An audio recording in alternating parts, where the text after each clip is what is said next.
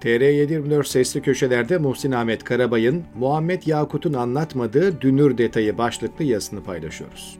Sosyal medyadan her gün iktidar mensuplarını hedef alan açıklamalarıyla gündeme gelen Muhammed Yakut'la ilgili çok az şeyi yazılarıma konu ettim. Anlattıklarının bir kısmını ilk kez duyuyordum, bir kısmı ise iktidar çevrelerini takip edenlerin zaten vakıf olduğu şeylerdi. Bugün az bilinen kısımda yer alan konuya ilişkin bir ayrıntı aktaracağım. Çok az kişinin bildiği, Muhammed Yakut'unsa işaret edip ama yazmaya benim terbiyem el vermiyor dediği bir konu.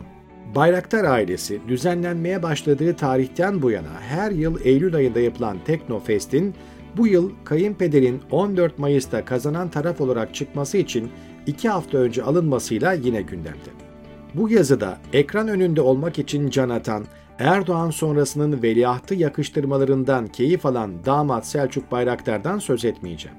Devletin nimetlerinden yararlanarak rakiplerini saf dışı bırakmak için çırpınan ve rekabet getirilmeli dediği için muhalefet liderlerine ağzının payını veren ağabeyi Haluk Bayraktar'ı da bu işlerin titiz takipçisi Cevher'i güvene bırakacağım.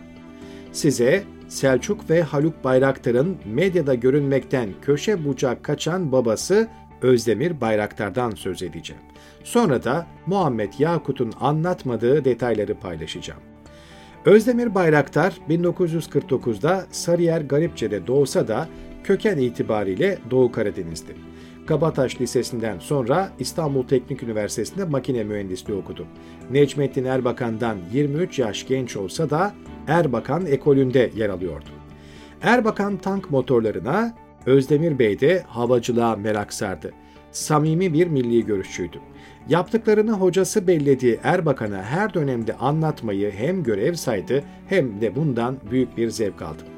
Hep bu alanda yaptıklarıyla anılmak istedi. Yoğun günlerinde fabrikasındaki küçücük odasında yatmayı seçerdi. Sadece üretim aşamasında değil, ürettiklerini sahada görev yaparken görmek işinin en sevdiği taraflarından biriydi. Bundan dolayı sık sık askerlerle arazide olurdu.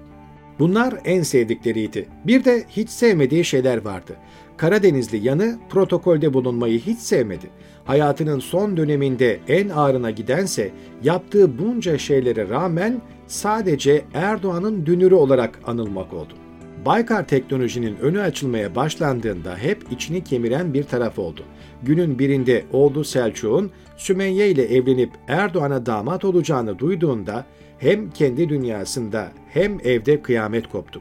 Erdoğan'ın nasıl biri olduğunu çok iyi biliyordu. Hocam dediği Erbakan'dan da defalarca dinlemiştim. Erbakan'ın anlattıklarına yürekten inanıyordu. Birlikte çalıştığı oğluna git ne halin varsa gör diyemedi. Başa gelen çekilir diye sineye çekti.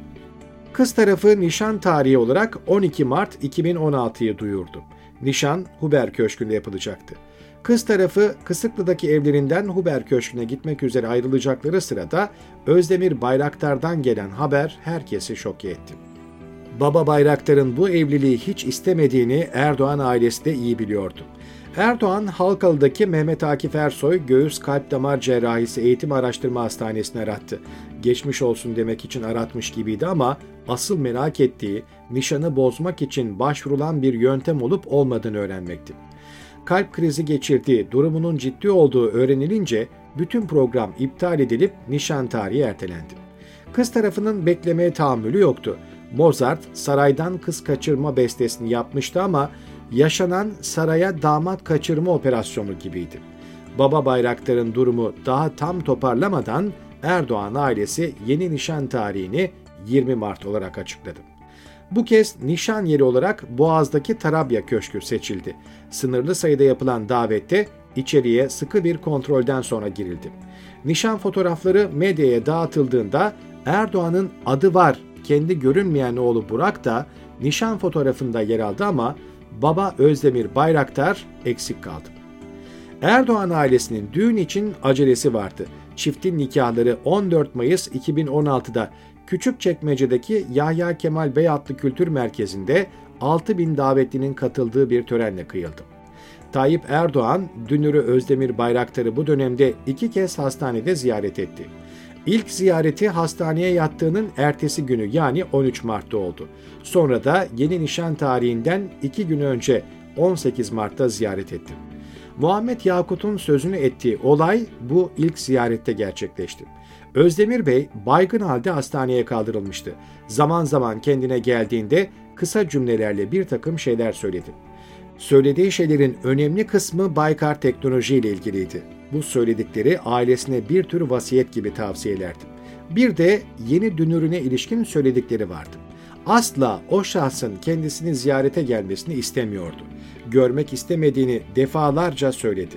Erdoğan'a ziyarete gelmemesi bir şekilde iletildi. Ancak Erdoğan kalp krizi geçiren dünürünü ziyarete gitmedi dedirtecek biri olmadığını göstermek istedi. 13 Mart'ta akşam 21.30'da Halkalı'daki hastaneye gitti. Erdoğan'ı hastanenin kapısında damat adayı Selçuk Bayraktar elini öperek karşıladı. Erdoğan doğrudan Özdemir Bayraktar'ın odasına gitmedi, gidemedi. Dünür'ün kendisinden geçtiği bir sırada odaya girmek istediğini söyledi. Aileden bu talebe hayır diyen olmadı. Erdoğan, Dünür'ünün uykuya dalmasını beklemek amacıyla hastane içinde insanlarla sohbet etti. Doktorlardan hastanın durumu ile ilgili bilgi aldı.